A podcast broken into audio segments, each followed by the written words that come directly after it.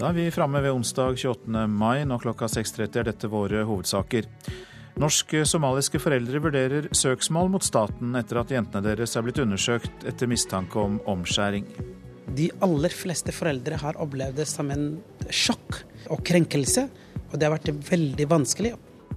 Leder i somalisk nettverk, Bashe Mosse. Jordbruksforhandlingene mellom regjeringspartiene og samarbeidspartiene fortsetter i dag. USAs utenriksdepartement ber alle amerikanere forlate Libya. Og Mats Zuccarello Aasen og New York Rangers tapte mot Montreal Canadiens i natt. Her i studio i dag, Øystein Heggen. Flere norsk-somaliske foreldre vurderer å saksøke staten etter at jentene deres har blitt undersøkt i underlivet etter mistanke om omskjæring. I en rapport fra Fafo som blir publisert i dag, kommer det fram at kjønnslemlestelse er et marginalt problem i Norge. Det er stikk i strid med hva politikerne har trodd. I kampen mot omskjæring av jenter har flere norsk-somaliske barn gjennomgått en underlivsundersøkelse når barnevernet har mistenkt kjønnslemlestelse. De aller fleste foreldre har opplevd det som en sjokk eh, og krenkelse. Og det har vært veldig vanskelig, og jeg vet faktisk at som nå prøver å liksom saksøke staten. Det har vært ydmykende for foreldrene, forteller lederen av somalisk nettverk Bashe Musse. For foreldrene har hele veien hevdet sin uskyld, men har ikke blitt trodd. Olav Elgvin fra Fafo står bak en forskningsrapport som publiseres i dag. Den viser at kjønnslemlestelse er langt fra så utbredt som politikerne har fryktet fenomenet er lite, men at de politiske tiltakene på feltet ser ut til å ha tatt utgangspunkt i en antakelse om at dette kan være et stort fenomen. Og at man trenger å bruke kontrolltiltak for å få folk til å slutte med denne kikken. NRK fortalte i går at myndighetene har brukt over 72 millioner kroner for å bekjempe kjønnslemlestelse. Men man har ikke klart å påvise ett eneste tilfelle av omskjæring etter at familiene har kommet til Norge. Det er også å komme til Norge i seg selv er på en måte har man gjennomgått en endring. Eh, du har kommet til et land hvor den skikken ikke praktiseres lenger. Da har du veldig lite mulighet til å gjøre det. Eh, og jeg tror ikke at noen foreldre har til hensikt å skade sine barn. Reportere her, det var Anne Mone Nordahl og eh, Rima Iraki. God morgen, Olav Elgvin. Eh, morgen. Du er forsker fra Fafo og står bak denne rapporten. Du er en av de som eh, står bak den. Ja, Vi hørte at myndighetene har brukt 72 millioner kroner på et problem som kanskje likevel ikke er så stort. Hvordan kom dere fram til det? Eh, det vi gjorde, det var ikke å gjøre egen ny forskning, men å gå gjennom og systematisere all den kunnskapen som er tilgjengelig. Eh, og vår konklusjon er at når man legger sammen eh, de ulike datakildene, som vi gjerne forskere gjerne sier, så er den mest rimelige konklusjonen at dette er et fenomen som eksisterer, men som er ganske lite utbredt. Og det er basert på både den forskningen som andre har gjort, og at det er veldig få saker i hjelpeapparatet. Eh, og at man ikke finner noen saker eh, i Norge eller fra Norge i underlivsundersøkelsene. Eh, og at det heller ikke er noen, som, måte, noen opprørere som forteller om dette fra de seinere årene. Så når man legger sammen alle de ulike datakildene, så peker alt i samme retning i at dette er etter all sannsynlighet et ganske lite fenomen i Norge. Har dere noen mulighet til å si hvor lite det da er? Eh, nei, det har vi ikke. Eh, altså, det er ingen saker som er eh, påvist. Så liksom, det kan være null. Men jeg tror ikke det er null. Jeg tror at det skjer hvert år et par saker. Det er bare en antakelse ut av luften i og med at man ikke har noen som helst saker. Men liksom, hvis det var stort, så ville man i større grad hørt om det. Og det gjør man ikke, for det er ingen saker i hjelpeapparatet. omtrent. I hvilken grad har politikerne da satt i verk disse tiltakene basert på kunnskap? Det er klart man vet mer i dag enn man visste da man begynte med tiltakene. Men vi mener nok likevel at eh, man har hatt et kunnskapsgrunnlag som skulle tilsi eh, kanskje en både noe annen dimensjonering, altså størrelse på tiltakene, og en noe annen innretning. Eh, det vi ser, er at man burde De som i størst grad støtter dette, er de som er nyankomne. Så vi mener at det rimelig hadde vært å sette inn fokuset primært mot de nyankomne, og ikke på kontrolltiltak overfor de som allerede bor her og har bodd her i mange år. Kjønnslemlestelse skaper jo sterke følelser. Det, det, er noe som vi helst vil forhindre. Selvfølgelig har politikerne da vært for mye basert på følelser når de satte i gang dette tiltaket? Det er nok eh, Det skal ikke jeg si noe om. Jeg vet ikke hva som er folks motiver. Men klart klart det er jo et utrolig dramatisk fenomen. Eh, det er jo noe av det mest forferdelige man kan gjøre mot et menneske. Så det er ikke rart at det vekker følelser. Og så er det et felt hvor det er usikkerhet. Det er jo et, tross alt et fenomen som er forbudt, så det er vanskelig å vite sikkert. Eh, så jeg tror det er fordi at at det er et sterkt og dramatisk tema i kombinasjon med at man har opplevd usikkerhet. Man ikke har sett noen saker. Så man har tenkt da må det være store mørketall her, fordi det ikke er noen saker. Så det er nok noe av det som ligger bak, tror jeg. Men heldigvis kan vi vel si, etter de tallene dere har funnet, et lite problem og mindre enn vi har fryktet. Takk skal du ha, Olav Elgvin, som altså er forsker ved Fafo. Jordbruksforhandlingene mellom eh, regjeringspartiene og samarbeidspartiene KrF og Venstre fortsetter på Stortinget i dag. De fire partiene hadde forhandlingsmøte i går kveld, men eh, fortsetter altså i dag, bekrefter KrFs Line Henriette Hjemdal. Da håper vi på at eh, det blir et godt forhandlingsmøte. Så får vi ta det møtet, og så får vi se hva det fører til. Det er ikke gitt at det endelige resultatet av jordbruksoppgjøret er klart, før mange av politikerne tar langhelg i ettermiddag. Det sier Venstres Pål Farstad. Vi har ikke satt oss slike mål. Altså, vi har jo dårlig tid i respekt for at her er mange som venter, at, uh, venter på et uh, resultat og håper på at vi skal komme frem til et resultat. Samtidig må vi bruke den tida som vi trenger for å få et godt resultat, og et gjennomarbeida resultat. Reporter her, det var eh, Håvard Grønli. Opposisjonen er mer opptatt av politisk spill og å legge snubletråder for landbruksministeren enn å bedre norsk landbruk. Ja, det sier samfunnsøkonom og landbruksforsker ved Universitetet i Bergen, Ivar Gåsland, til Dagsavisen. Gåsland mener at spesielt Arbeiderpartiet kjemper med nebb og klør for å hindre at Frp får gjennomført sin landbrukspolitikk. USAs utenriksdepartement ber alle amerikanere forlate Libya med en gang. Advarselen kommer etter flere dager med økende uro i Libya der det har vært kamper mellom væpnede militser og regjeringen og har ført til kaotiske tilstander. I dette reiserådet heter det at alle utlendinger, men særlig da amerikanere, står i fare for å bli kidnappet og angrepet eller drept i eh, Libya. Nå om eh, mobbing. Ei jente ved en barneskole i Buskerud er blitt utsatt for nettmobbing fra elever ved en annen skole siden i fjor høst. Nå er hun blitt syk av mobbingen, Kommunen har ansvar for å sette inn tiltak. Det sier Ann Heidi Jepsen, som er seniorrådgiver hos Fylkesmannen. Kommunen, som eier alle skolene, har det overordnede ansvaret. Eller de har ansvaret for det her. Så de må jo gå inn og sikre at alle elever har det godt, og iverksette tiltak mot dem som bedriver mobbing, og generelle tiltak for å skape bevissthet blant alle elevene på hva som er akseptabelt og ikke. Jenta fikk sjikanerende meldinger på mobiltelefonen sin. Hun ble kalt jævla hore, stygg, bitch, og i en av meldingene sto det 'Mitt problem er at du lever'. Etter en stund kom det også frem at det ble spredd nakenbilder i sosiale nettverk. Det skal ha blitt hevdet at bildene forestilte jenta, og at det var hun selv som hadde lagt dem ut, noe moren er overbevist om ikke stemmer. Disse bildene skal ifølge jentas mor ha sirkulert ved alle skolene i kommunen, både på barne- og ungdomstrinnet, og i tillegg være spredt til minst én skole i nabokommunen. Moren har vært i kontakt både med skolen og politiet om saken, og mener det ikke er gjort nok for å stanse mobbingen. Ifølge rektor ved skolen har de hatt kontakt med både helsesøster, kommunens PP-tjeneste, psykolog og kommunalsjefen.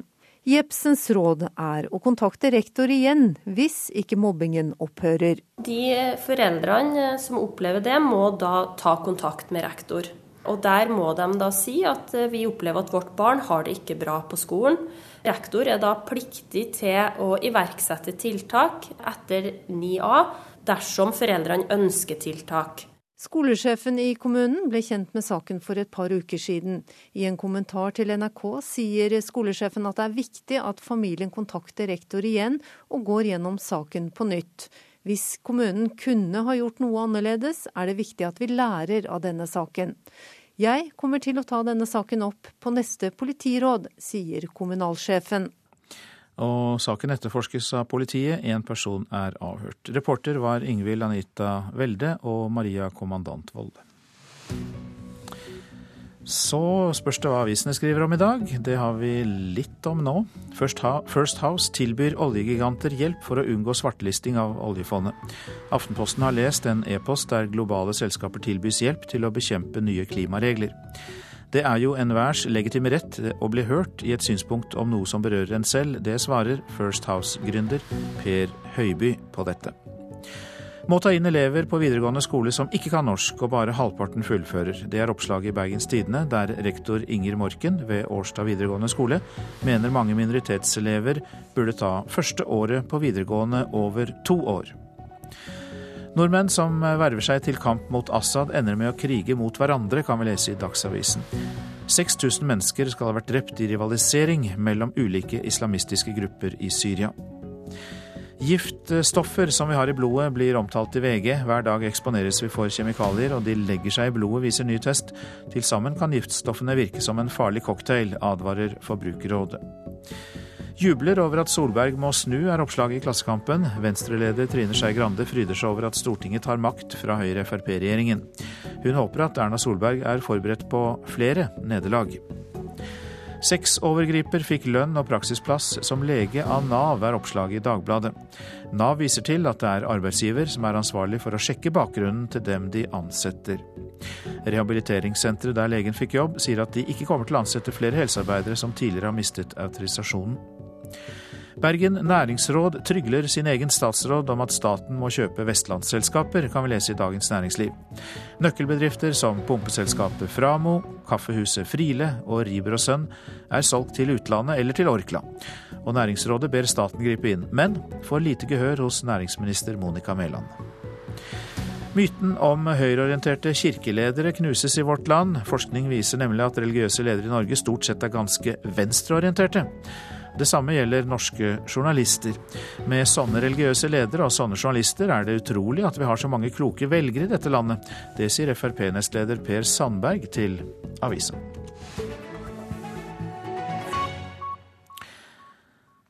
De norske landslagsspillerne i fotball tar trener Per-Mathias Høgmo og hans prosjekt i forsvar etter gårsdagens braktap mot Frankrike. Samtlige spillere er overbevist om at Høgmo må få tid til å sette sitt preg på laget. Nei, det er klart. Det er kjedelig å ta opp kamper. Uttalelsen kommer fra Stefan Johansen og er relativt åpenbar etter at Norge i går ble slått grundig av Frankrike i Paris.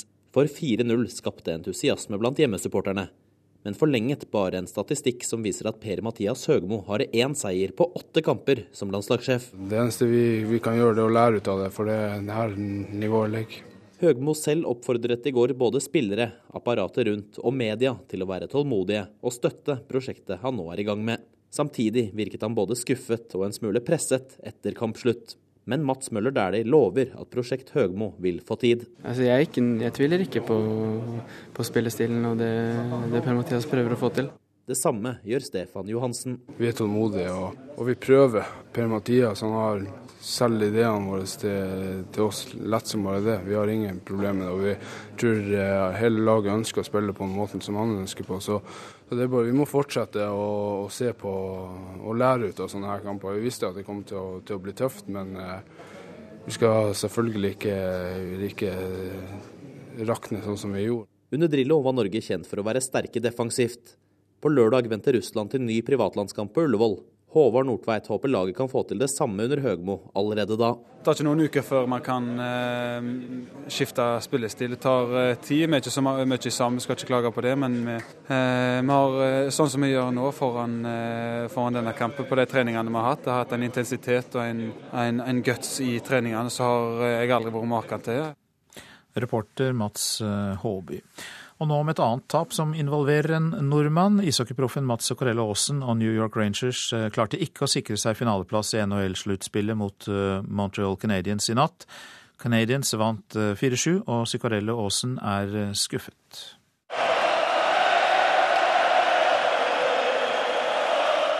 Det kokte blant over 20 000 Canadiens-fans i Bell Center i Montreal for kun få timer siden. For Mats Zuccarello Aasens New York Rangers snubla i forsøket på å avgjøre NHL-semifinalen. Nei, ræva rett og slett i dag. Det var dritdårlig.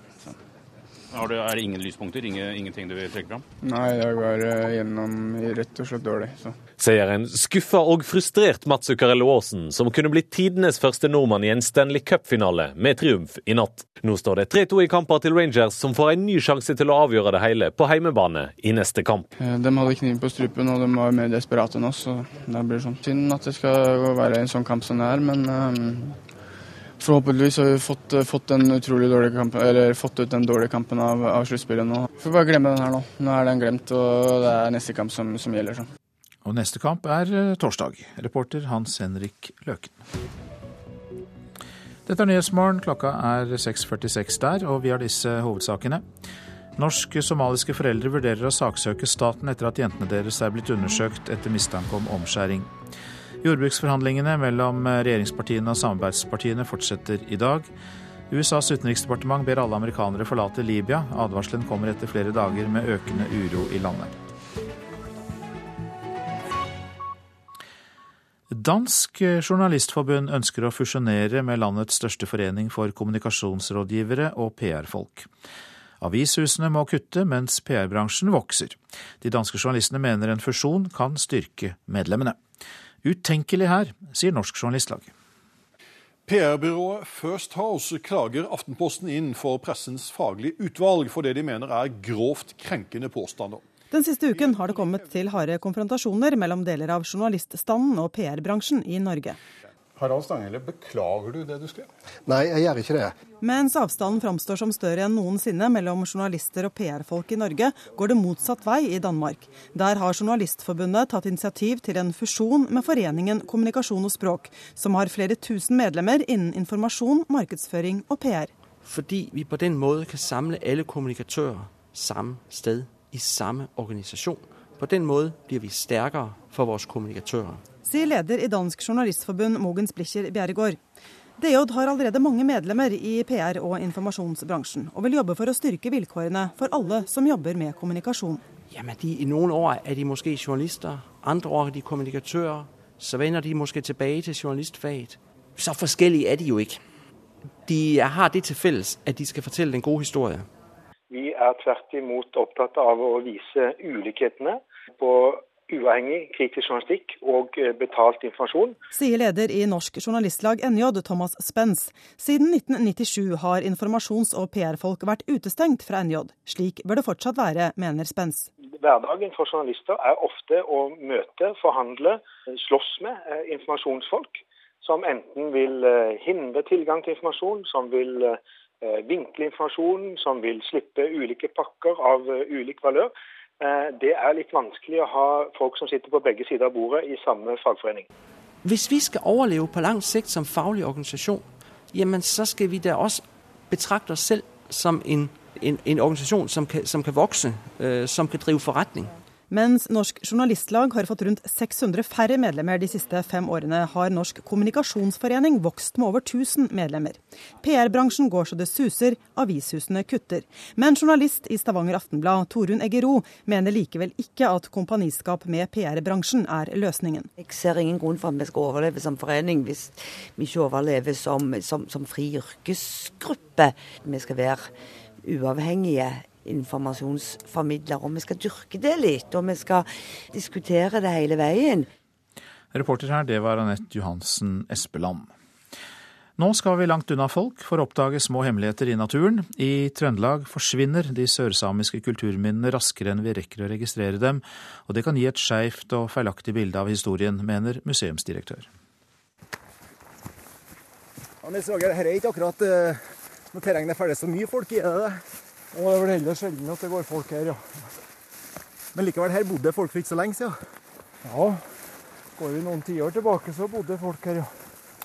Vi er med Nils Roger Duna ut på tur et sted i Namsosområdet. På vei ned mot fjorden og litt tilbake i tida. Gjennom årene har han registrert en stor mengde sørsamiske boplasser i naturen. Noen av dem husker han sjøl, andre har han fått kjennskap til gjennom venner i det sørsamiske miljøet. Hva skjer her nå? Ja, her er det faktisk da en gammel gamplass. Så ser du tydelig ringen her. Så ser du de har hatt et tilbygg, eller nærmest en koava, da, som det het, eh, som er bygd opp ved inngangen til Gamma. Men se hvor lite som vises, og dette ikke lenge sto, altså. Nei, det viser jo at naturen han eh, ordner opp skal jeg si, og tar tilbake. Så han må vel ha litt spesielt blikk for å kunne se det. Men du sa noen tiår. Husker du at det var folk i denne plassen her? Ja, det gjør jeg. Det er jo ikke lenge siden på 60-tallet.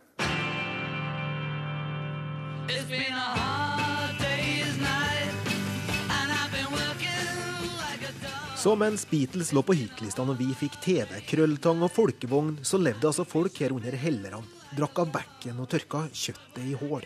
Laga båter og sleder under fjellet. Det meste på den eldgamle måten. Jeg skal ikke røre så mye på her, men her er gamle kulturminner, ikke sant? Ja, dette er sånn uh, spiler som ble brukt når det ble tørka skinn. Så de spila ut skinnet, da. Det er typisk at en finner sånne ting under sånne holdere rundt omkring. Ja, det ble jo ofte lagt på sånne plasser. Det var jo der berga best. Og her er jo tydelig at her det holdt, her er det skohøy, og her er det mye forskjellig under. Ja, skohøy og garn og tørkestativ for kjøtt. Og, så her har det vært aktivitet. Det er ikke eneste plassen her, her i Namsos-distriktet, det er mange sånne plasser? Det er faktisk veldig mange plasser, og noen er registrert. Langt ifra alle.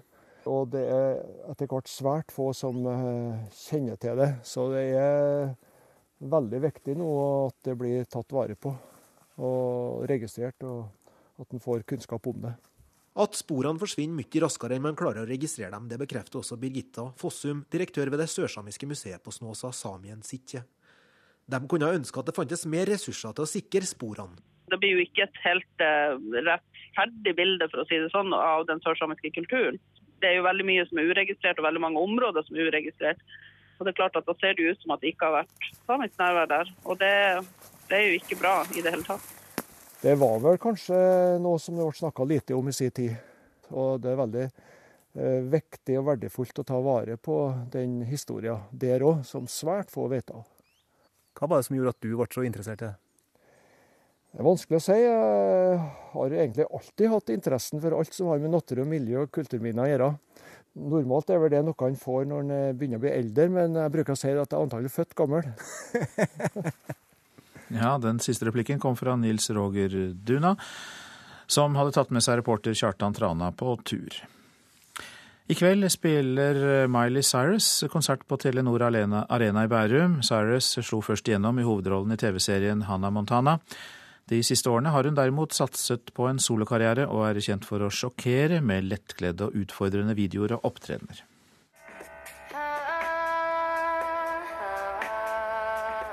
Jeg føler bare at stemmen hennes er så perfekt, og det er bare gladmusikk og hiter som alle liker, og ja, jeg liker det veldig godt. På et jenterom med én lyserosa vegg varmer Lone Sivertsen Devik opp med Miley Cyrus sin 'Adore You'. I kveld blir hun og venninnen to av tusenvis av fans i Telenor Arena. Jeg syns hun er veldig spontan og veldig sånn rå. Og jeg var jo også fan av Hannah Montana, så det har jo vært en veldig stor forandring. Men jeg syns hun er veldig kul, og ja, jeg skjønner hvordan hun har det, på en måte.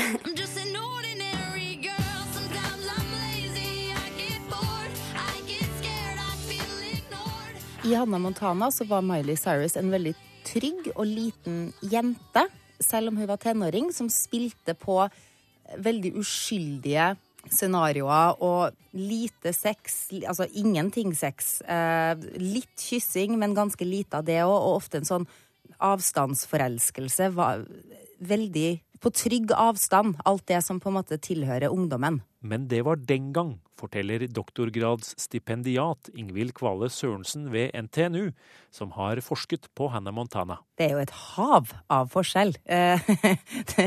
I dag så er det jo lettkleddhet, det er sex, det er Hun går sine egne veier og gjør sine egne ting. I rekken av lettkledde og utfordrende opptredener har den en gang uskyldige artisten særlig vekket oppmerksomhet med å sitte naken på en rivningskule i musikkvideoen til hiten 'Wrecking Ball'. Kvale Sørensen er ikke overrasket over artistens forvandling. Jeg tror nesten det er en nødvendighet. Eh, fordi at det handler jo om å skape seg selv, eh, enten som merkevare eller personlig identitet, eller hva du velger å kalle det. Og det er det som er greia hvis du er barnestjerne. Så du vil jo bli voksen på et eller annet vis. Du kan jo ikke alltid spille på de samme strengene. Så istedenfor å på en måte gå i en litt annen vei, så har da Miley Cyrus gått en helt annen vei og tatt et ganske drastisk skritt.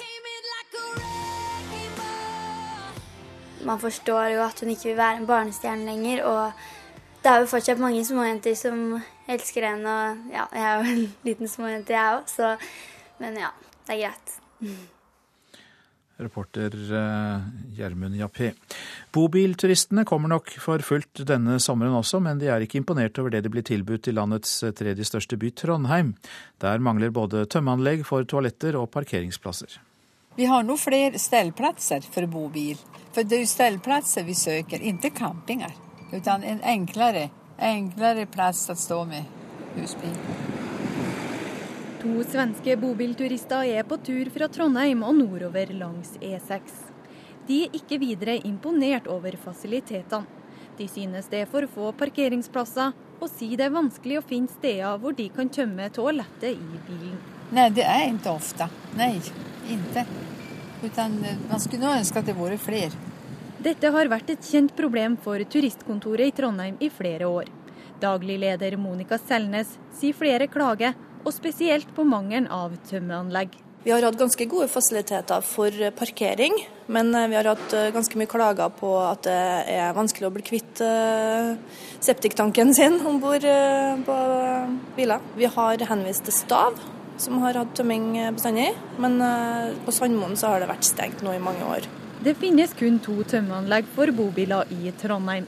Én på Stav på nordsida av byen, mens det andre anlegget på Sandmoen har vært nede i flere år. Daglig leder ved Sandmoen Bed and Breakfast, Nina Flønes, sier de har blitt vant til klager. De blir jo litt frustrert når det er villedende skilting helt ifra Støren. Det er mange skilt som gjentas jeg tror en seks-sju plasser på vei til du kommer til Sandmoen her. Og det er ikke helt oppdatert i forhold til at den ikke har virka et års tid. Turister stopper, og ja, lokale bobileiere kommer innom og spør når skal den opp og gå igjen. Og eh, nå har vi vært inne og møte med Trondheim kommune for en par uker siden, og det er sånn at den vil være i orden fra ca. 1.7. Det her er gode nyheter for ferierende bobilturister.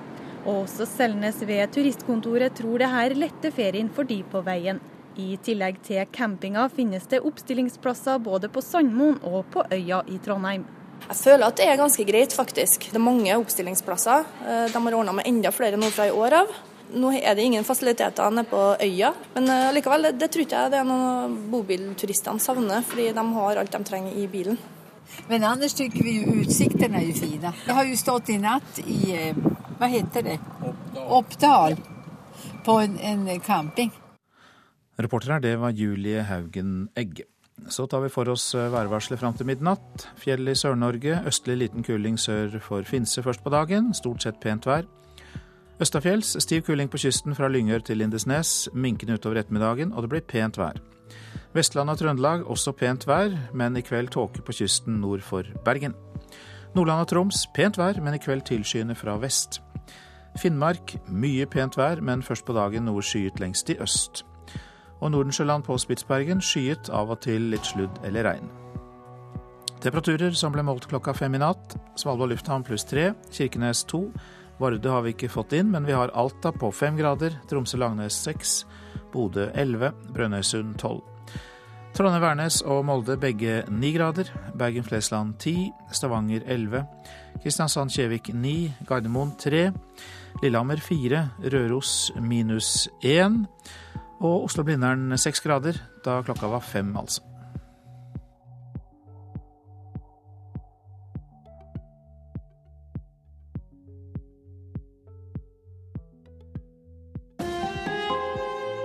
Hør ekko. Mange sier at de møter veggen i matte. Men ingen sier at de møter veggen i engelsk. Det gjør vondt å lære seg noe du syns er vanskelig. men mattekurset JumpMath kan hjelpe de som sliter. Allikevel må du fortsatt øve og øve og øve. Ekko 9 11 i NRK P2. Kreftsykeforeningen må skifte navn, krever Kreftforeningen, som er redd givere skal bli forvirret. Helsedirektoratet er imot å tillate proffboksing fordi det bokses uten hjelm. Her er NRK Dagsnytt klokka sju. Kreftsykeforeningen må bytte navn, krever Kreftforeningen. Årsaken er at navnet er forvirrende likt navnet til Kreftforeningen, sier pressesjef Erik Vigander. Det er ikke fordi vi skal ha enerett på innsamling av eh, penger til kreftsakene kreftsaken eller til kreftsyke, men rett og slett fordi vi er opptatt av at de som gir skal være 100% sikre på hvem og hva de gir til. Om forening står i ett ord, eller om det står eh, foran eller bak, det kan ikke ha avgjørende betydning. Kreftforeningen den har et formål som jo går på kreftforskning i vid forstand, og informasjon, og være talerør for kreftsaken osv. Mens her gjelder det å støtte, samle inn penger og støtte kreftsyke mennesker. Sa styreleder i Kreftsykeforeningen Per Einar Unnhjem Johansen. Forskningsstiftelsen Fafo har funnet svært få tilfeller av kjønnslemlestelse av kvinner i Norge. Fafo viser til at en overlege siden 2009 undersøkte 72 jenter. Av disse kvinnene hadde 15 blitt omskåret, men samtlige før de kom til Norge. Forskerne mener at norsk politikk mot kjønnslemlestelse er både overdimensjonert og lite kunnskapsbasert. Helsedirektoratet er sterkt kritisk til å oppheve hjelmpåbudet i forbindelse med proffboksing. I dag går høringsfristen for å oppheve proffbokseloven ut. Avdelingsdirektør i Helsedirektoratet Jakob Lindhave er klar i sitt syn. Vi har vært skeptiske. Det er godt dokumentert eh, helsefaglig at det er risiko knyttet til proffboksing. Så ut fra de risikoberegningene og at vi er et uh, helsedirektorat, så har vi valgt å være skeptiske til å tillate proffboksing i Norge. I likhet med Helsedirektoratet støtter flere spesialister innen nevrologi påbudet om bruk av hjelm i proffboksing. Norges knockout-lov har lenge vært i strid med reglene hos det internasjonale bokseforbundet AIBA, fordi vi ikke tillater boksing uten beskyttelse mot hodet. I slutten av mars ble det norske forbundet midlertidig utestengt, men inntil videre kan enkelte utøvere fortsatt bokse internasjonalt dersom de kun deltar med trener. Slik det er nå, haster det med en rask avklaring hvis Norge fortsatt skal kunne delta i internasjonal proffboksing, sier generalsekretær i Norges bokseforbund Erik Nilsen. Vi eh, trenger en veldig, veldig hurtig avklaring for å komme inn i det gode selskapet igjen. Og nå er det opp til eh, politikerne å vurdere høringsuttalelsene. Reporter her, det var Hilde Liengen. NRK Dagsnytt, Anders Borgen Werring. Dette er Nyhetsmorgen, og vi har bl.a. disse sakene. Norge bør stenge kullgruvene på Svalbard, det sier FNs klimasjef. Obamas tilbaketrekking fra Afghanistan innen 2016 er et monumentalt feilgrep, sier senator John McCain. Og vi skal høre med Innsamlingskontrollen hva de mener om navnestriden mellom Kreftsykeforeningen og Kreftforeningen, som vi hørte om i Dagsnytt. Norge bør stenge kullgruvene på Svalbard. Det sier FNs klimasjef Christiana Figueres. Hun mener det harmonerer dårlig det som, med det som Svalbard ellers representerer, nemlig klimaforskning og det å drive med forurensende gruvedrift. The mines on Svalbard, yes, I think Norway should close these mines, but should do it in a way that is exemplary. There's a huge opportunity. It's not just about closing the mines, it's to show the world how it can be done in a way that is fair for the people Norge bør stenge kullgruvene på Svalbard, men det må gjøres på en måte som kan være et eksempel for andre, sier FNs klimasjef Christiana Figueres. Norge har her en glitrende sjanse til å vise verden hvordan dette kan gjøres på en måte som er rettferdig overfor de som bor der, som hjelper dem til økonomisk bærekraftig omstilling og ivaretar suvereniteten på øygruppa. Det må gjøres på en strategisk riktig måte. Christiana Figueres på klimakonferanse i Ny-Ålesund et senter for internasjonal klimaforsking med forskningsstasjoner fra en lang rekke land. Hun liker seg godt her på 79 grader nord. Men kålgruvene på Svalbard har hun liten sans for. Well, the coal mining in Svalbard is uh, is very incongruous um, with what the island actually stands for, which is uh, the very cutting edge research into the um, impacts and causes of climate change. So Gruveaktiviteten på Svalbard harmonerer dårlig med det som Svalbard ellers står for, klimaforsking. Dette passer svært dårlig sammen, sier Figueres. Hun mener Norge vil stå sterkere i det internasjonale klimaarbeidet dersom gruvedrifta blir avvikla. Well, you know, and Norway has had a leadership position for many, many years um, and uh, has really been uh, challenging other countries to do a better job. But if Norway could figure out how to close the mines here on this absolutely spectacular island, it would Norge only har hatt en lederrolle internasjonalt i mange år, og har virkelig utfordra andre land. Dersom styresmaktene nå kan finne ut hvordan de kan få stengt kålgruvene her i dette vakre øyriket, vil det bare styrke Norge sin posisjon. So. Gruvedrifta på Svalbard kom i gang tidlig på 1900-tallet. Dette er en vanskelig sak, sier klima- og miljøminister Tine Sundtoft. Vi står overfor et uh, dilemma her. Uh, kulldriften på Svalbard har vært og er uh, en viktig del av grunnlaget for norsk tilstedeværelse på Svalbard. Men vi er fullstendig klar over at kull er ikke en del av lavutslippssamfunnet. Den forrige regjeringen åpna opp for Lunkefjell. Vi har ikke tatt stilling til hva vi skal gjøre fremover. CO2-fangst og -lagring kan være et svar på dette, men det er åpenbart et eh, dilemma. Kan det hende at regjeringa sier nei når en skal ta stilling til nye gruver? Det kan ikke jeg gi det et svar på i dag. Vi har en historie hvor kulldriften har vært eh, viktig forutsetning for norsk eh, tilstedeværelse på Svalbard. Samtidig som vi vet at skal vi nå togradersmålet, så kan vi ikke utvinne norsk kull fremover. Reporter på Svalbard, det var Eivind Molde. Miljøpartiet De Grønne ber Arbeiderpartiet fjerne tvilen om at oljefeltene på Utsirahøyden skal få strøm fra land allerede fra starten av. Arbeiderpartiet, De Grønne og de andre opposisjonspartiene har stått sammen om å kreve at regjeringen elektrifiserer plattformene, men i går var talsmenn for Arbeiderpartiet positive til å vente med å legge kabler fra land. Det mislikte De Grønnes talsmann Rasmus Hansson sterkt. Utspillet deres strekker eh, strikken for langt i forhold til det vi er blitt enige om eh, i flertallsopposisjonen om eh, rammene for hele elektrifisering av Utsira. De signaliserer, i hvert fall tidlig på dagen, at de kan tolerere at det tar veldig lang tid fra at man starter Sverdrup-utbyggingen til hele Utsira-feltet er elektrifisert. Hva er din oppfordring? Det er å fjerne enhver tvil om at vi snakker om full elektrifisering av Utsira fra oppstartfasen. Og å uh, sette en klar strek mot uh, olje- og energiministerens i og for seg konstruktive, men likevel også kreative forsøk på å utvide tidsramma for elektrifisering urimelig mye. Ja, De Grønnes Rasmus Hansson der, og det blir debatt mellom KrF og Arbeiderpartiet om elektrifisering på Utsirahøyden i Politisk kvarter om en drøy halvtime. Den siste tiden har flere bedrifter mottatt en e-post fra en forening som kaller seg Kreftsykeforeningen. Den ønsker å samle inn penger til kreftsyke og deres familier. Kreftforeningen krever at Kreftsykeforeningen skifter navn og velger et som ikke kan forveksles med deres eget. Pressesjef i Kreftforeningen, Erik Vigander, sier det ikke er første gang slikt som dette skjer.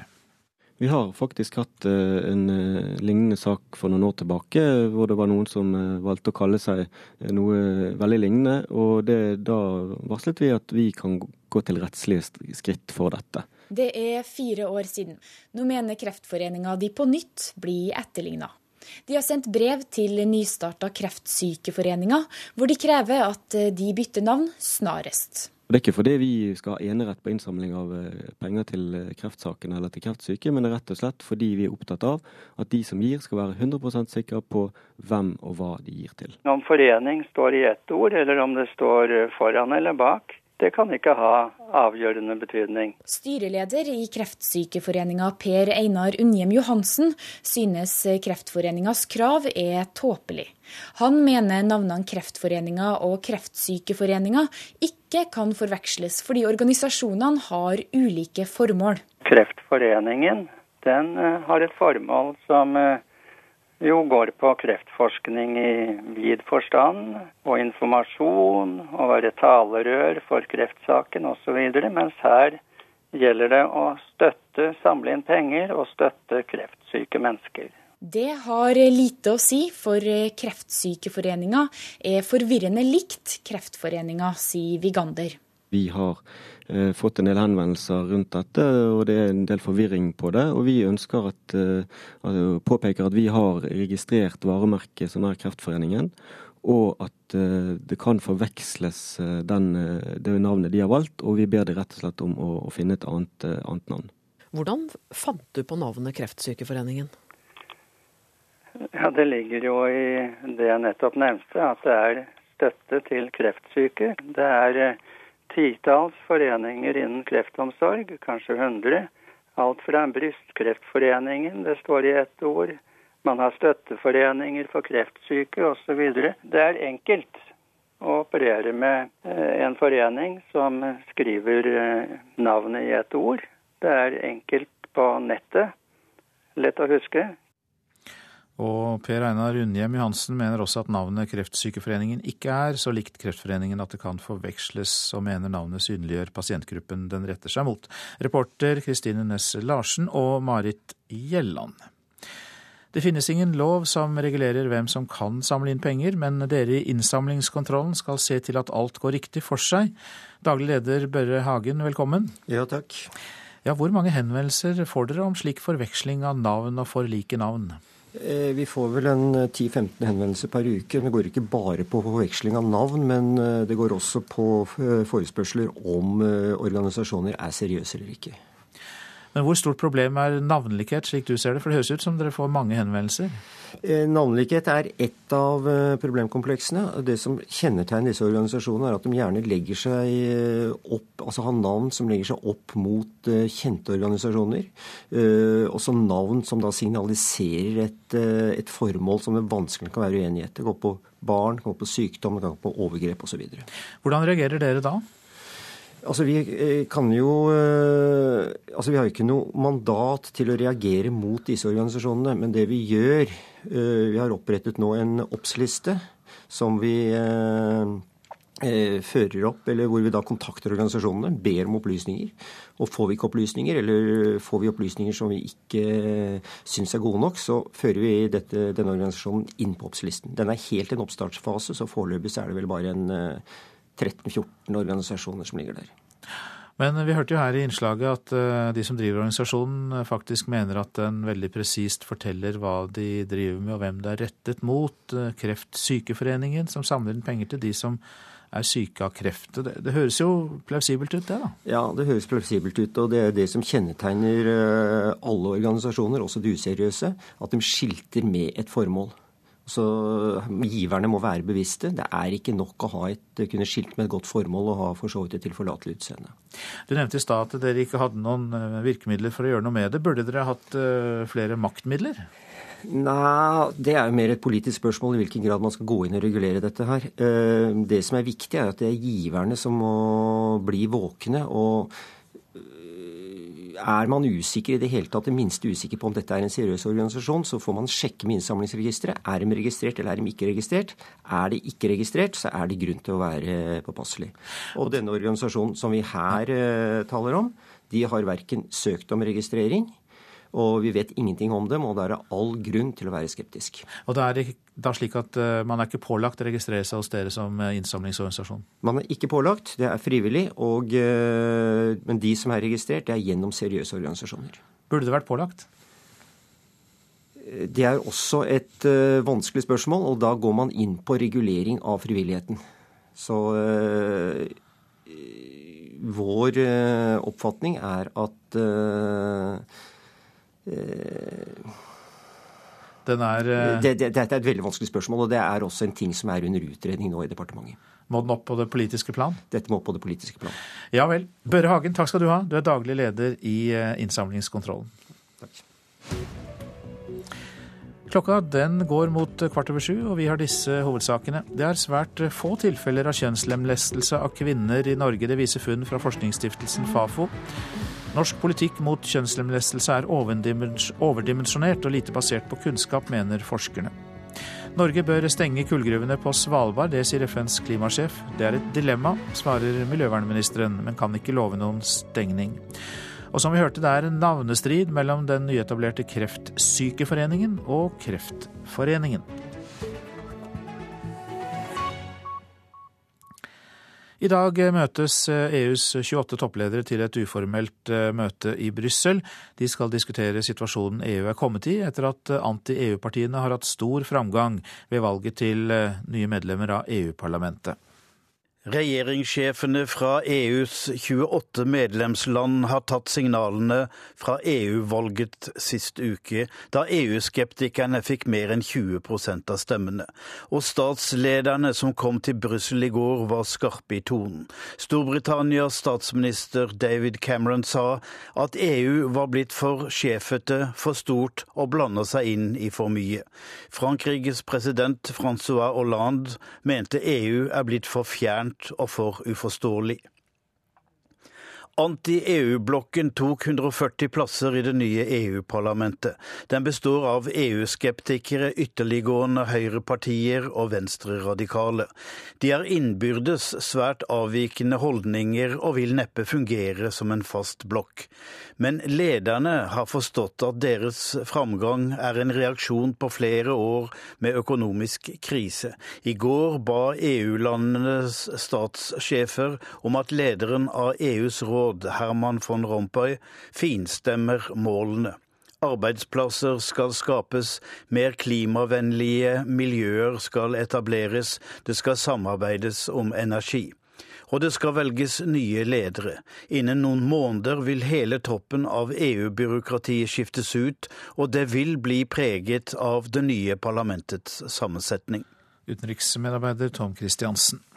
President Barack Obamas beslutning om å sette en tilfeldig dato for full tilbaketrekking av amerikanske styrker fra Afghanistan er et monumentalt feilgrep. Ja, det mener blant andre senator John McCain. Obama sa i går at alle amerikanske soldater skal være ute innen utgangen av 2016.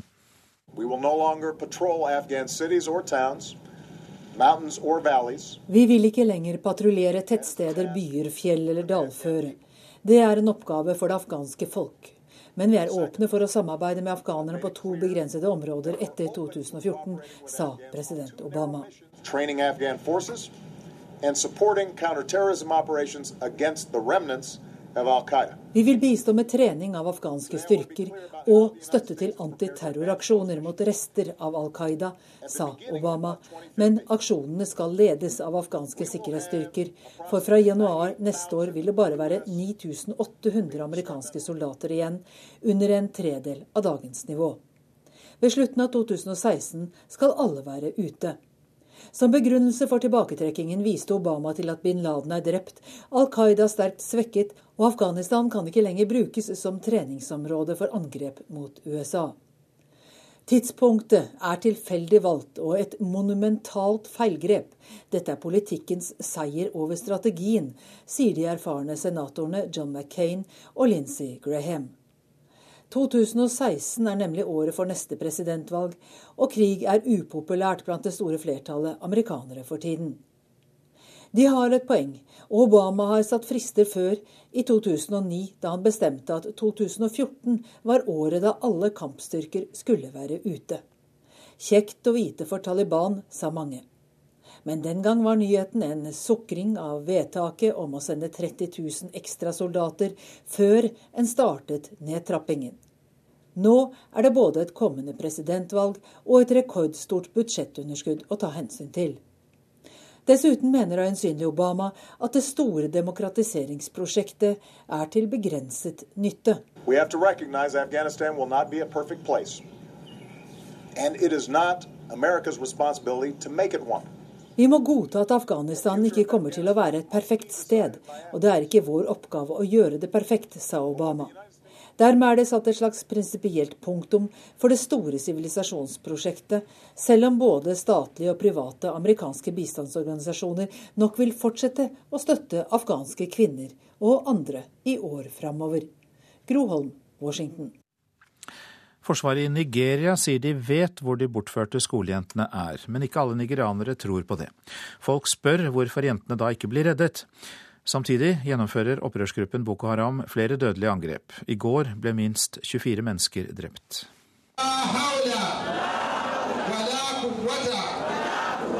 På et bønnemøte i hovedstaden Lagos uttrykker en kvinne sin skepsis til at Forsvaret nå har funnet jentene.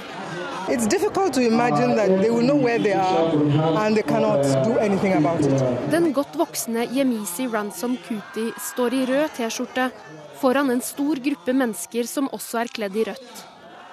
På T-skjortene står det 'Bring back our girls'. Hun har vanskelig for å tro at Forsvaret vet hvor jentene er, når de samtidig sier de ikke kan gjøre noe med det. The good news for the girls is that we, can, we, we know where they are, but we cannot tell you. Okay, we cannot come and tell you military secrets here. Just leave us alone. We are working. We will get the girls back. Det var i går at den nigerianske forsvarssjefen Alex Bade kom med det som skulle være en god nyhet. De vet hvor de over 200 bortførte skolejentene befinner seg. De vet det, men de kan verken røpe det eller hente dem ut med makt, av hensyn til jentenes sikkerhet, hevder han. Det har gått over seks uker siden mødre og fedre sist så døtrene sine dra til skolen. Der ble de bortført av Boko Haram, som tidligere denne måneden hevdet at de akter å selge eller gifte bort jentene. Forsvaret har måttet tåle kritikk og økende press fra internasjonalt hold for mangel på framgang i arbeidet med å redde ut jentene. Andre nigerianere tror Forsvaret faktisk vet hvor jentene er, og at det kan ligge en strategi bak det de nå sier.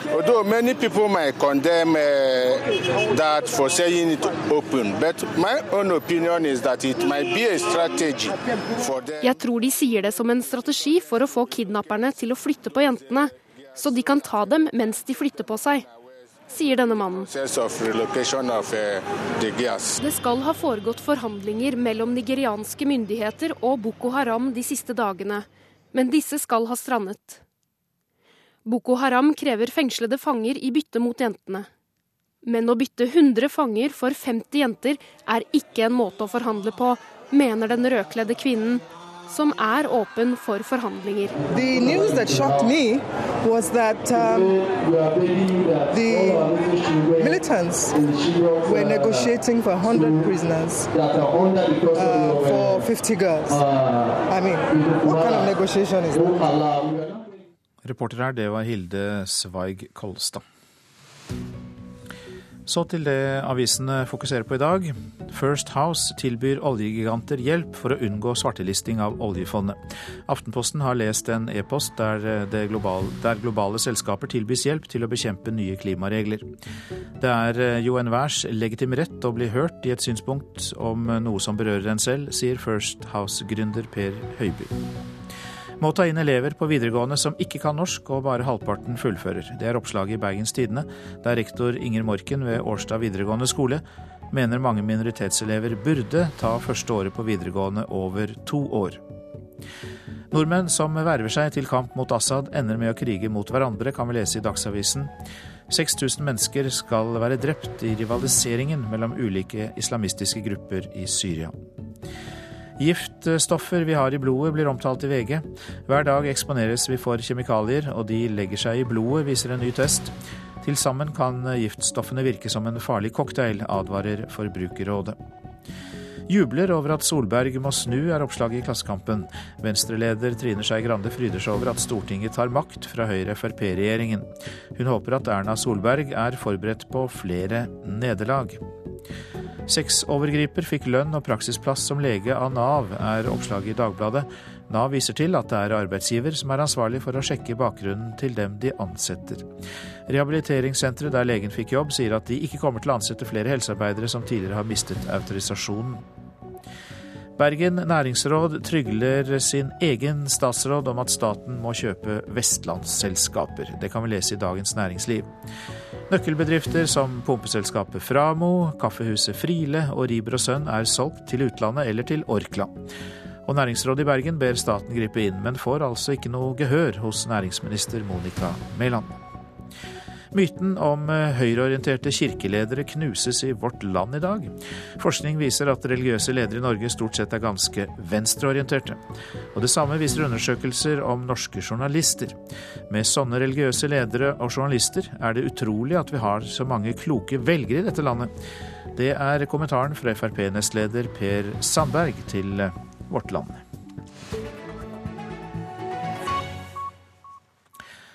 Hønefoss-revyen er et av Norges største sommershow, og denne byen i Buskerud kan komiker Jonas Rønning nå feire 15 års virksomhet. Og det skjer med en veldig blid jubileumsforestilling. Da er det med staging, folkens. Og gjerne, da. Det er to døgn igjen til premieren av årets Hønefoss-revy, da NRK stikker nesa innom festivalteltet i Ringeriksbyen. Det øves på avslutningsnummeret 15 år og like blid. Like, like blid Er ikke psykopat? 15 år og like blid. Mange muligheter. Hun synger soul. Men er dere like blide da, etter 15 eh, år? Ja, enda blir bare blidere og blidere for hvert år. Vi. Bare smiler og ler, eh, går helt rundt. Se på det. Smil, da. Like blid. Hønefoss-revyen så dagens lys i 1999. Blant flere ildsjeler er regissør Bror Andersen og komiker Jonas Rønning. Det startet på tidlig 90-tallet med russerevyer, og endte opp i det som har blitt et av Norges mest populære sommershow. Og premieren i morgen blir Jonas Rønning sin forestilling nummer 598. Det er på en måte kjempelenge siden, det kjempelenge siden, men det er det egentlig ikke heller. på en måte. Altså, hvis jeg tenker tilbake, så husker jeg første året veldig godt. Uh, så det, det er blitt en sånn hønefossryn. Det har blitt en, sånn, for meg en sånn gryte med alt mulig av disse 15 årene av eh, Så det er litt sprøtt og kult og sånn på en gang. Ja, altså Revyen her den er jo 15 år, men vi som jobber, vi har jobba sammen snart i 30 år. Altså hele, Nå står jeg og, og maser litt på bandet og sånn, og Jørn som er kappmedmester, Jørn Dahl, mm. uh, han jeg sto, Det er 28 år siden jeg starta med de med Og begynte å mase på han. Og begynte med å mase. Og, og Remi som sitter og spiller trommer. Og der jeg sitter ja, litt svakere, sterkere alt. Så det er, jo, altså, det er jo faktisk nesten 30 år siden vi begynte å jobbe sammen. Det var jo sånn dugnadsånden, ikke sant. Måtte, Jonas satt og var kongen mens han sydde kostymer, og Morten var sånn. Passer denne kjolen deg, Morten, eller skal du ha Marie? Nå må du huske replikkene dine. Det er jeg som har huske replikkene mine, og sånn er det. Sonja! Nei, Marie! Ja. Kjære Ragnar, pjuskebassen min. Tenk at det skulle bli oss to. Å, jeg blir helt rørt, jeg. Og så er jeg allergisk i tillegg. Det har blitt utallige revynummer i løpet av 15 år. Denne våren kunne publikum stemme på tidenes revynummer. Sketsjen fra 2007 med Marie Risan som Brura vant og får sin ønskereprise under årets revy. Og Jeg har laga bordkort, og jeg har satt opp hår. Og jeg har ordna musikk og bryllupsreisen vår. Og jeg har baka kaker har sett på fotball og ikke gjort det slag. Det som var morsomt eh, når jeg gjorde den, var at eh, jeg, da var jeg ikke gift sjøl, men uh, mannen min turte å fri til meg en måned etter sommerrevyen var ferdig det året. At han turte det, skjønner jeg jo ikke. Men uh, jeg, jeg, ser i ettertid at det er lett å kjenne seg igjen i sangen. Er brura klar for årets forestilling? Hun er veldig, veldig klar. Hun har fått seg ny brudekjole for året, og er veldig klar, altså. Og 15 år og like blid har premiere i Hønefoss i morgen og går fram til første helg i juli. Reporter Anette Skafjell. Det brenner jo overalt. Ser ut som det kan være en buss, altså. Er du der det skjer, når det skjer? Du kan bidra med viktige nyheter. Send oss ditt nyhetstips, bilder og video til NRK 03030. Så har vi en advarsel til snusere og røykere på tampen her. Når elever kommer tilbake til skolen etter sommerferien, så møtes de med totalforbud både mot snus og tobakk i skoletiden. For dem som blir tatt i å bryte tobakksforbudet, vanker nedsatt ordenskarakter, skriver Dagbladet. De nye reglene gjelder både på skolens område og utenfor, f.eks. på skoleveien og i forbindelse med turer i skolens regi. Så tar vi med at prosent for Nyhetsmorgen er Elise Heisel Asbjørnsen. Her i studio Øystein Heggen. Om fotball-VM i Brasil. Det er reportasjen etter Dagsnytt. Og tiltak mot flom er et av temaene i Politisk kvarter.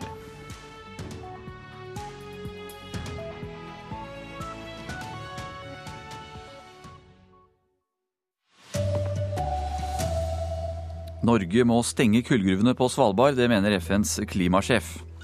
Norsk-somaliere er krenket over å ha blitt mistenkt for kjønnslemlestelse. Nå vurderer de søksmål. Kreftorganisasjoner krangler om navnbruk. Kreftsykeforeningen må bytte navn, mener Kreftforeningen. Her er NRK Dagsnytt, klokka er 7.30. Norge bør stenge kullgruvene på Svalbard, det sier FNs klimasjef Christiana Figueres. Hun mener gruvedriften stemmer dårlig med det Svalbard ellers representerer, nemlig klimaforskning. The mines on Svalbard, yes, I think Norway should close these mines, but should do it in a way that is exemplary. There's a huge opportunity. It's not just Norge bør stenge kullgruvene på Svalbard, men det må gjøres på en måte som kan være et eksempel for andre, sier FNs klimasjef Christiana Figueres. Norge har her en glitrende sjanse til å vise verden hvordan dette kan gjøres på en måte som er rettferdig overfor de som bor der, som hjelper dem til økonomisk bærekraftig omstilling og ivaretar suvereniteten på øygruppa. Christiana Figueres på klimakonferanse i Ny-Ålesund, et senter for internasjonal klimaforsking med forskningsstasjoner fra en lang rekke land. Hun liker seg godt her på 79 grader nord. Men kullgruvene på Svalbard har hun liten sans for. Well, the coal mining in Svalbard is uh, is very incongruous um, with what the island actually stands for, which is Gruveaktiviteten på Svalbard harmonerer dårlig med det som Svalbard ellers står for, klimaforsking. Dette passer svært dårlig sammen, sier Figueres. Gruvedrifta på Svalbard kom i gang tidlig på 1900-tallet. Dette er en vanskelig sak, sier klima- og miljøminister Tine Sundtoft. Vi står overfor et uh, dilemma her. Uh, kulldriften på Svalbard har vært og er eh, en viktig del av grunnlaget for norsk tilstedeværelse på Svalbard. Men vi er fullstendig klar over at kull er ikke en del av lavutslippssamfunnet. Den forrige regjeringen åpna opp for Lunkefjell. Vi har ikke tatt stilling til hva vi skal gjøre fremover. CO2-fangst og -lagring kan være et svar på dette, men det er åpenbart et eh, dilemma. Reporter eh, på Svalbard, det er Eivind Molde. Flere norsk-somaliske foreldre vurderer å saksøke staten etter at jentene deres har blitt undersøkt i underlivet etter mistanke om omskjæring. I en rapport fra Fafo kommer det fram at kjønnslemlestelse er et lite problem i Norge, stikk i strid med hva politikerne har trodd. I kampen mot omskjæring av jenter har flere norsk-somaliske barn gjennomgått en underlivsundersøkelse når barnevernet har mistenkt kjønnslemlestelse. De aller fleste foreldre har opplevd det som en sjokk eh, og krenkelse. Og det har vært veldig vanskelig. Og jeg vet faktisk at som nå prøver å liksom saksøke staten. Det har vært ydmykende for foreldrene, forteller lederen av somalisk nettverk Bashe Musse. For foreldrene har hele veien hevdet sin uskyld, men har ikke blitt trodd. Olav Elgvin fra Fafo står bak en forskningsrapport som publiseres i dag. Den viser at kjønnslemlestelse er langt fra så utbredt som politikerne har fryktet. Fenomenet er lite, men at de politiske tiltakene på feltet ser ut til å ha tatt utgangspunkt i en antakelse om at dette kan være et stort fenomen. Og at man trenger å bruke kontrolltiltak for å få folk til å slutte med denne kikken. NRK fortalte i går at myndighetene har brukt over 72 millioner kroner for å bekjempe kjønnslemlestelse. Men man har ikke klart å påvise ett eneste tilfelle av omskjæring etter at familiene har kommet til Norge. Det er også å komme til Norge i seg selv er på en måte har man gjennomgått en endring. Eh, du har kommet til et land hvor den skikken ikke praktiseres lenger. Da har du veldig lite mulighet til å gjøre det. Og jeg tror ikke at noen foreldre har til hensikt å skade sine barn. Reportere her Anne Mone Nordahl og Rima Iraki. USA kutter antall soldater i Afghanistan til 9800 fra nyttår. Det sa president Barack Obama i en tale i går kveld. I løpet av 2016 skal alle soldatene være ute av landet. Etter måneder med interne konsultasjoner kunne president Obama i går presentere timeplanen for den endelige tilbaketrekkingen fra Afghanistan. Fra dagens nivå med 32 000 amerikanske soldater skal tallet ned til 9800 ved inngangen av 2015.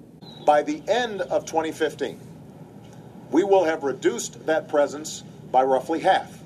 Ved slutten av 2015 vil det tallet være halvert, og troppene vil være konsentrert om Kabul og Bagram-flyplassen rett utenfor. Innen utgangen av 2016 vil det bare være en normal sikkerhetsstyrke for ambassadene igjen. De to presidentkandidatene i Afghanistan som stiller i siste valgomgang i juni, har begge sagt de vil undertegne den tosidige sikkerhetsavtalen som allerede er forhandlet fram med USA, i motsetning til den sittende presidenten Hamid Karzai. Karzai takket også nei til å møte Obama på den amerikanske basen rett utenfor Kabul, da USAs president var innom på snarvisitt sist helg. Obama takket på sin side nei til å besøke Karzai i presidentpalasset.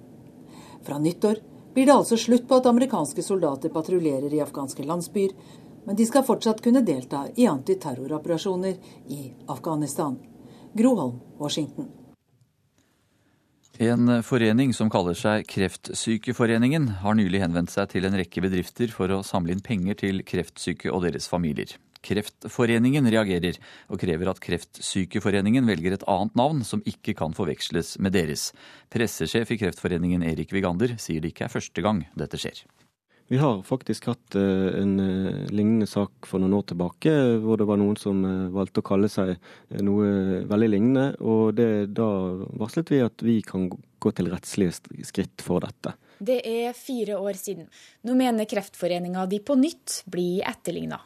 De har sendt brev til nystarta Kreftsykeforeninga, hvor de krever at de bytter navn snarest. Det er ikke fordi vi skal ha enerett på innsamling av eh, penger til eh, kreftsaken eller til kreftsyke, men det er rett og slett fordi vi er opptatt av at de som gir, skal være 100% sikre på hvem og hva de gir til. Om forening står i ett ord, eller om det står eh, foran eller bak, det kan ikke ha avgjørende betydning. Styreleder i Kreftsykeforeninga Per Einar Unnhjem Johansen synes Kreftforeningas krav er tåpelig.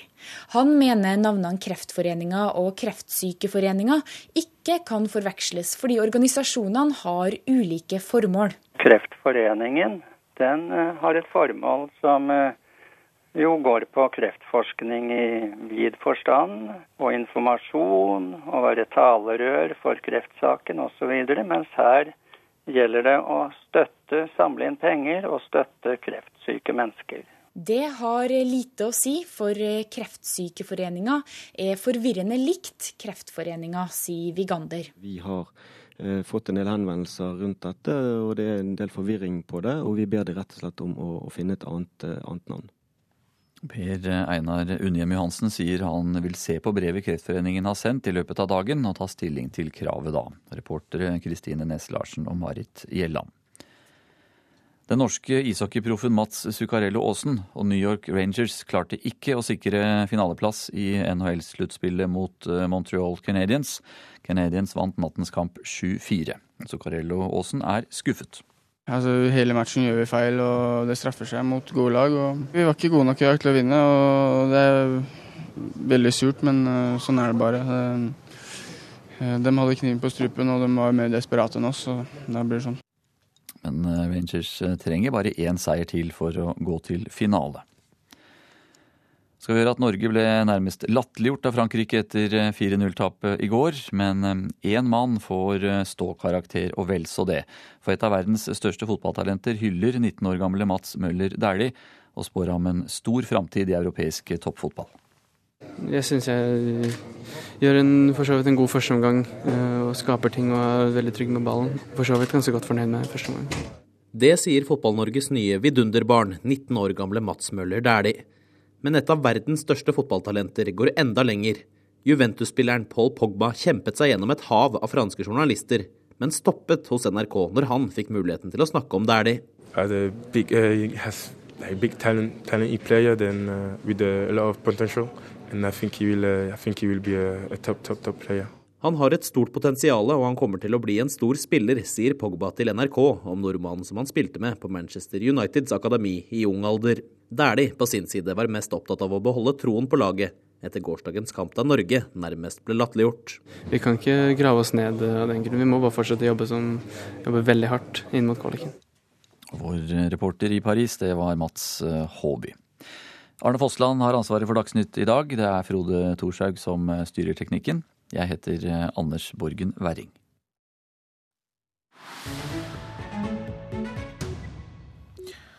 Og vi slår fast at du lytter til Nyhetsmorgen. 12.6 begynner fotball-VM i Brasil, men de tilreisende kan komme til å møte et land i kaos. Streiker og eksplosiv stemning rapporterer Arnt Stefansen om fra storbyen Sao Paulo. De siste dagene har det vært streiker og demonstrasjoner over hele landet. En undersøkelse viser nå at 75% av brasilianerne mener prisen for fotball-VM er blitt altfor høy. Det er blitt altfor dyrt. Disse pengene skulle vært brukt til å skaffe oss et bedre helsestell, bedre skoler, en bedre offentlig transport og et bedre kulturtilbud, sier læreren Oilton Gomez Ferreira. Han arbeider i en offentlig skole og er fortvilet over at det er altfor små ressurser til å gi elevene et skikkelig tilbud. Dette går utover barn fra fattige familier og gjør at de enorme forskjellene mellom fattig og rik blir opprettholdt, sier han.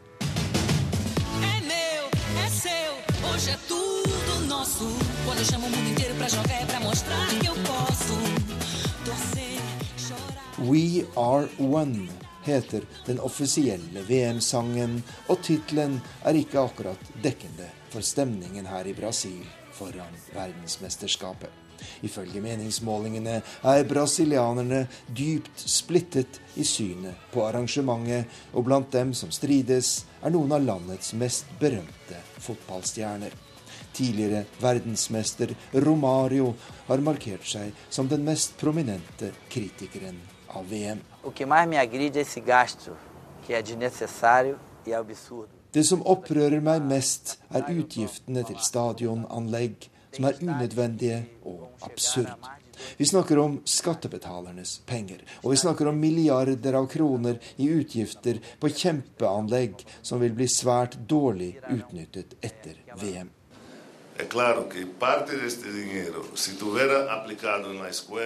På motsatt side i konflikten står legenden Pelé.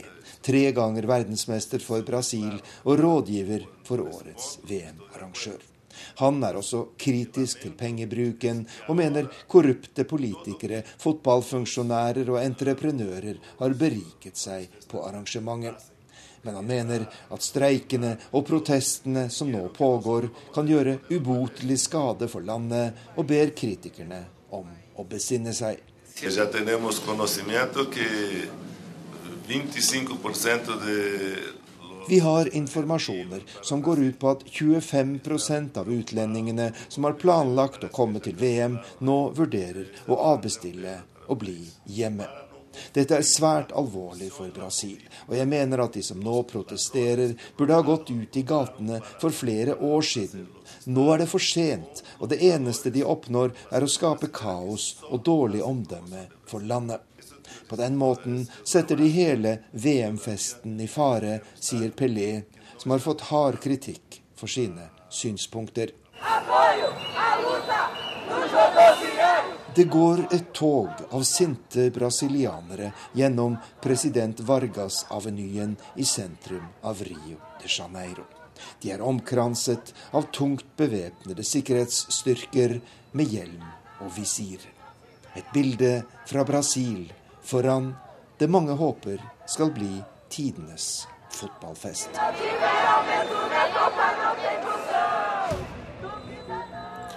Ja, Du lytter til Nyhetsmorgen. Dette er hovedsaker i dag. Norge bør stenge kullgruvene på Svalbard. Det sier FNs klimasjef.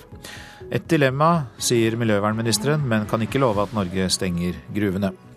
Det er svært få tilfeller av kjønnslemlestelse av kvinner i Norge. Det viser funn fra forskningsstiftelsen Fafo. Norsk-somaliere er krenket over å ha blitt mistenkt for kjønnslemlestelse. Nå vurderer de søksmål. Kreftorganisasjoner krangler om navnebruk. Kreftsykeforeningen må bytte navn, mener Kreftforeningen. Og jordbruksforhandlingene mellom regjeringspartiene og samarbeidspartiene fortsetter i dag. Og klokken tikker fram mot Politisk kvarter, som er neste post på programmet her i Nyhetsmorgen. Og der er programleder Per Arne Bjerke.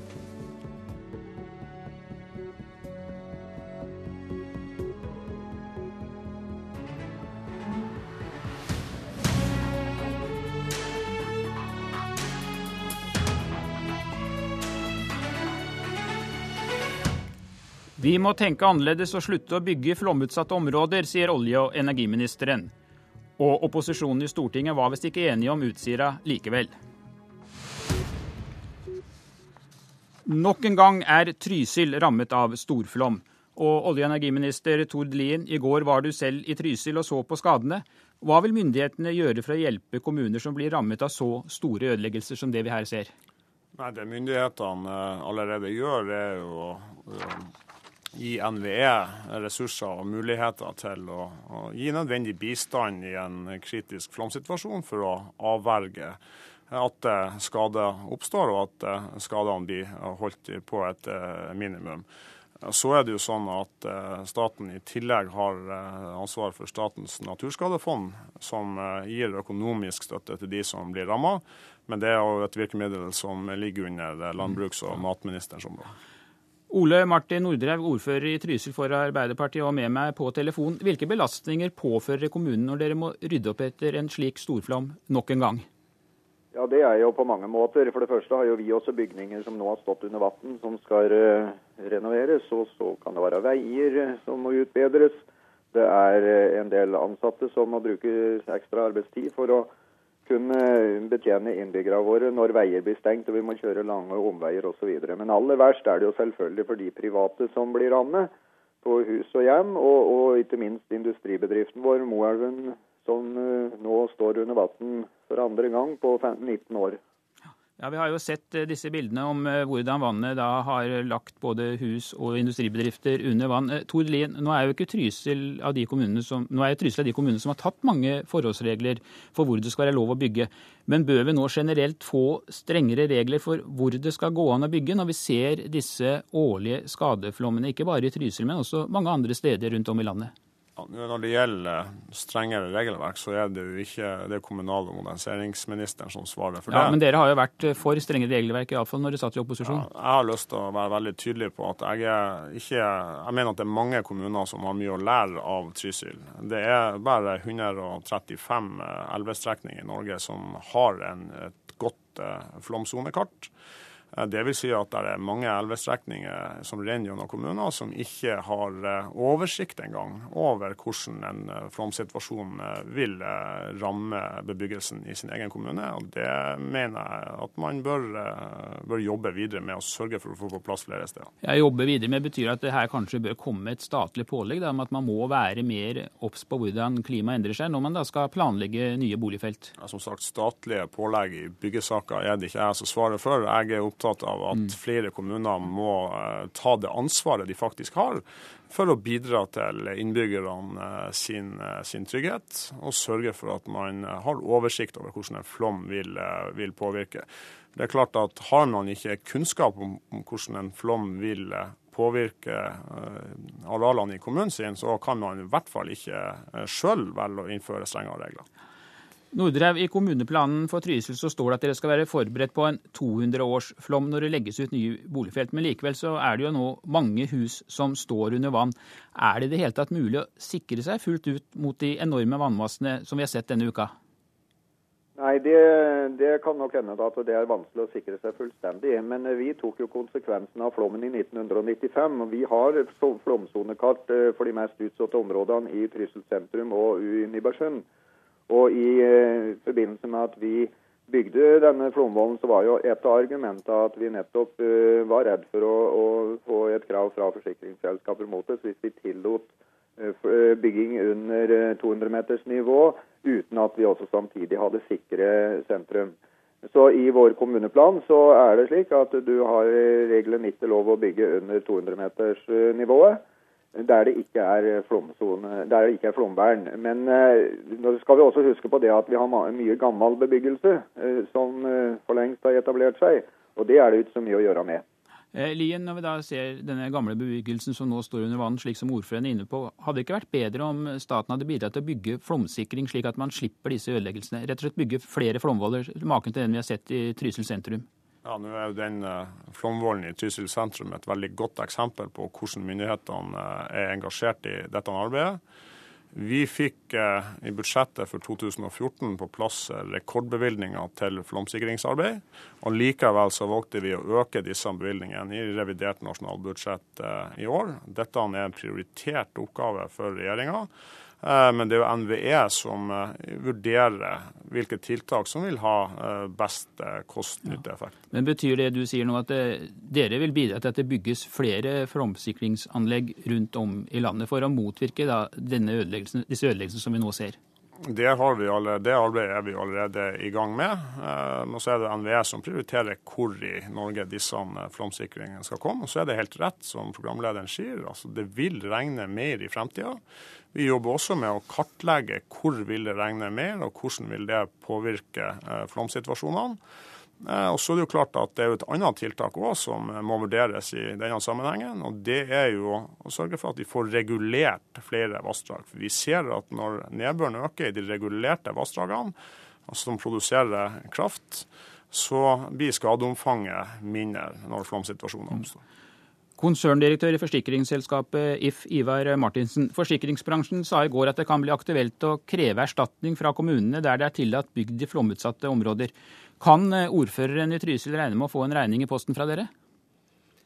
Det, som denne saken dreier seg om, og som vi ikke må glemme, det er jo som Nordreik selv var inne på, privatpersoner og bedrifter som får husene sine fylt av vann, det er, det er, kjedelige saker, og man har ingen mulighet til å gjøre noe selv for å hindre det. Og Derfor er det viktig å diskutere hvem har ansvaret, hvem kan faktisk gjøre noe for å forebygge. Og, og det, er, det, er, kommunene.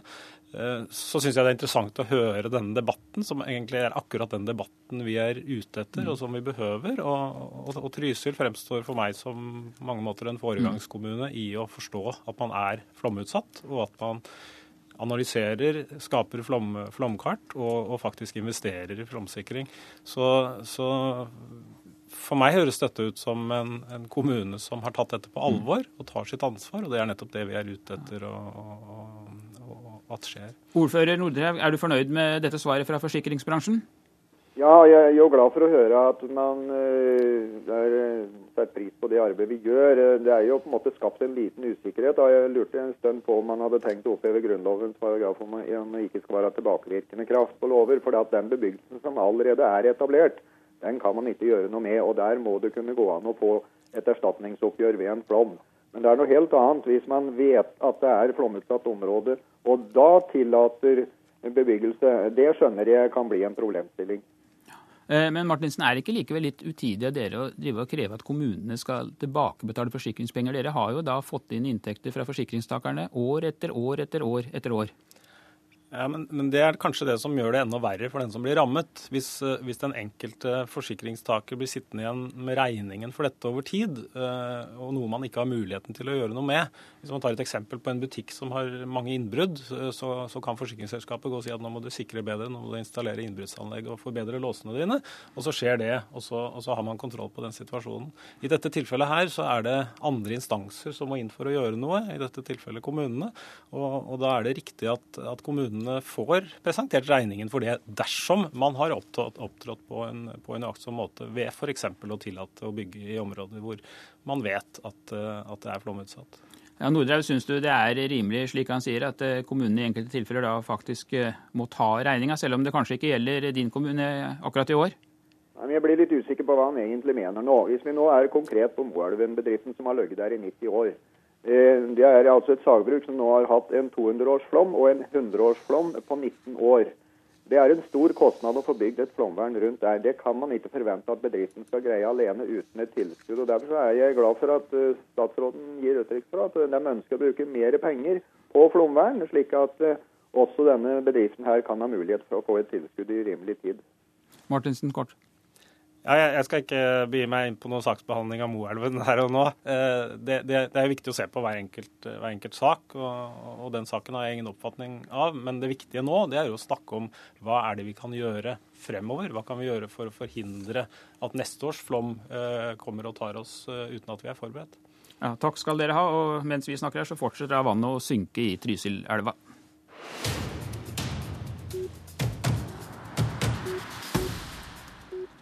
Ja, vi skal over til striden om Utsira, for den er på ingen måte over, så vi i NRKs sendinger i går. Og energipolitisk talsmann i Kristelig Folkeparti, Kjell Ingolf Ropstad, du får sette deg ned ved mikrofonen her. I forrige uke så spiste en samlet opposisjon kake i vandrehallen og feiret at dere var blitt enige om å planpålegge regjeringen å bygge ut hele Utsira-feltet i Nordsjøen med strøm. Men i går kveld var det slutt på idyllen. Du beskylder Arbeiderpartiet for å bryte en inngått avtale og sier du er blitt lurt. Hva er det egentlig du mener? Ja, Nå vil jeg ikke beskylde deg for å ha brutt avtalen, men men Da har du skifta standpunkt siden i går. Nei, men det jeg har vært tydelig på hele tida, at vi har hatt en enighet om at eh, det viktige med å få strøm fra land til hele Utsirahøyden må komme så raskt som mulig, og at vi skal få til en områdeløsning der vi kobler sammen plattformene eh, i oppstartsfasen. Og, det har vi vært tydelige på ikke vært i fase to. Så kom det en runde i går der jeg opplevde at Arbeiderpartiet bevega seg.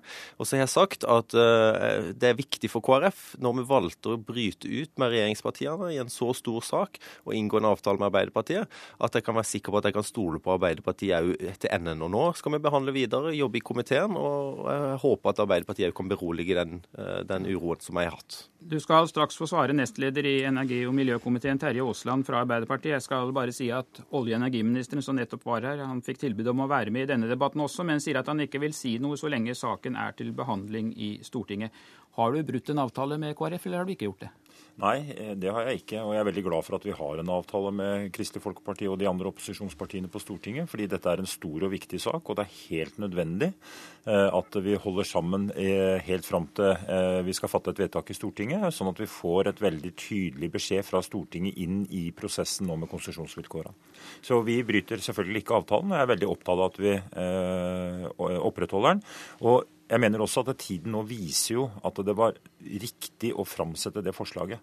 Fordi vi hadde en regjering som var veldig imot en områdeløsning, og en olje- og energiminister som også argumenterte mot eh, pålegg om, eh, og krav om, om områdeløsningen. Nå begynner de å snu. Det syns jeg er bra, og det var det jeg uttalte i går.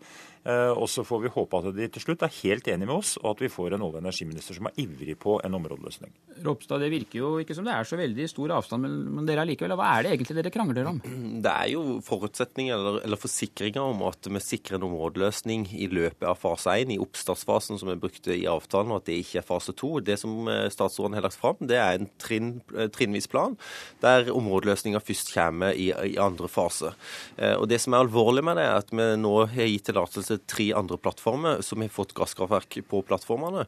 Og de vil være halvveis i sin levetid når eh, andre fase kommer. Og vi vet aldri når den kommer. Den anslås å komme kanskje tre til fem år etter 2019, altså opp mot 2025. Og det vil være mange, eh, det er stor mengde CO2-utslipp som vil være sluppet ut innen den tid. Eh, Terje Aasland, dette betyr vel ja, uansett en utsettelse av full elektrifisering på Utsira? Nei, altså Det er altfor tidlig å si noe om det. Vi må være tydelige på de bestillingene vi gir fra Stortinget. Det gjør vi gjennom de vedtakene som vi er enige om å fremme. Eh, og Da må det jobbes videre med de tekniske løsningene og hvordan en skal svare ut det Stortinget har sagt, fram til konsesjonsvilkårene blir lagt fram for Stortinget og skal behandles der. Eh, og Da er det viktig at vi får oppfylt det som eh, Ropstad her påpeker, om områdeløsningen med alt kraftbehovet dekket fra land, samtidig som vi unngår å komme i en posisjon hvor vi setter mm. arbeidsplasser i fare ved å utsette oppstarten av Johan Sverdrup. Men, men, men, for meg blir dette litt uklart. Blir det full utbygging med strøm fra dag én, eller blir det ikke det? Nei, fra dag én. Det vet vi alle sammen at ikke det blir. Men vi er opptatt av å få dette på plass så raskt som mulig. Og det er jo det vi eh, i fellesskap er eh, opptatt av, og eh, stresser nå for å få gode svar på, sånn at vi er trygge på den videre prosessen inn mot eh, konsesjonsvilkåra, og at det jobbes eh, effektivt og godt med det. For KrF mener at den oppriktig beste løsningen hadde vært å fått fullt kraftbehov dekka fra dag én. Men, men, det som Aasland sier, det, det, ble vi ikke enige om, men vi ble enige om oppstartsfasen.